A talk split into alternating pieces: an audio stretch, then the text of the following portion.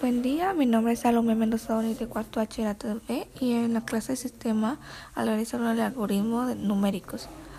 Pues llevé a cabo, según sospecho yo, la lista bien definida y organizada. Esto me ayudó a dar solución a este problema, la cual puedo decir que es un conjunto de finalistas, instrucciones a pasos que poco a poco me han servido para ejecutar este problema y llevar a cabo la respuesta.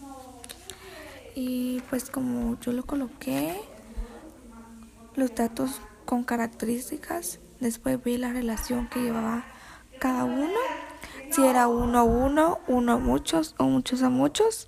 Entre esas colocamos una tribu, eh, o secundario para colocarse cada dato en el que se podía hacer. Esta es mi breve explicación de mi, de mi ejercicio. Buen día.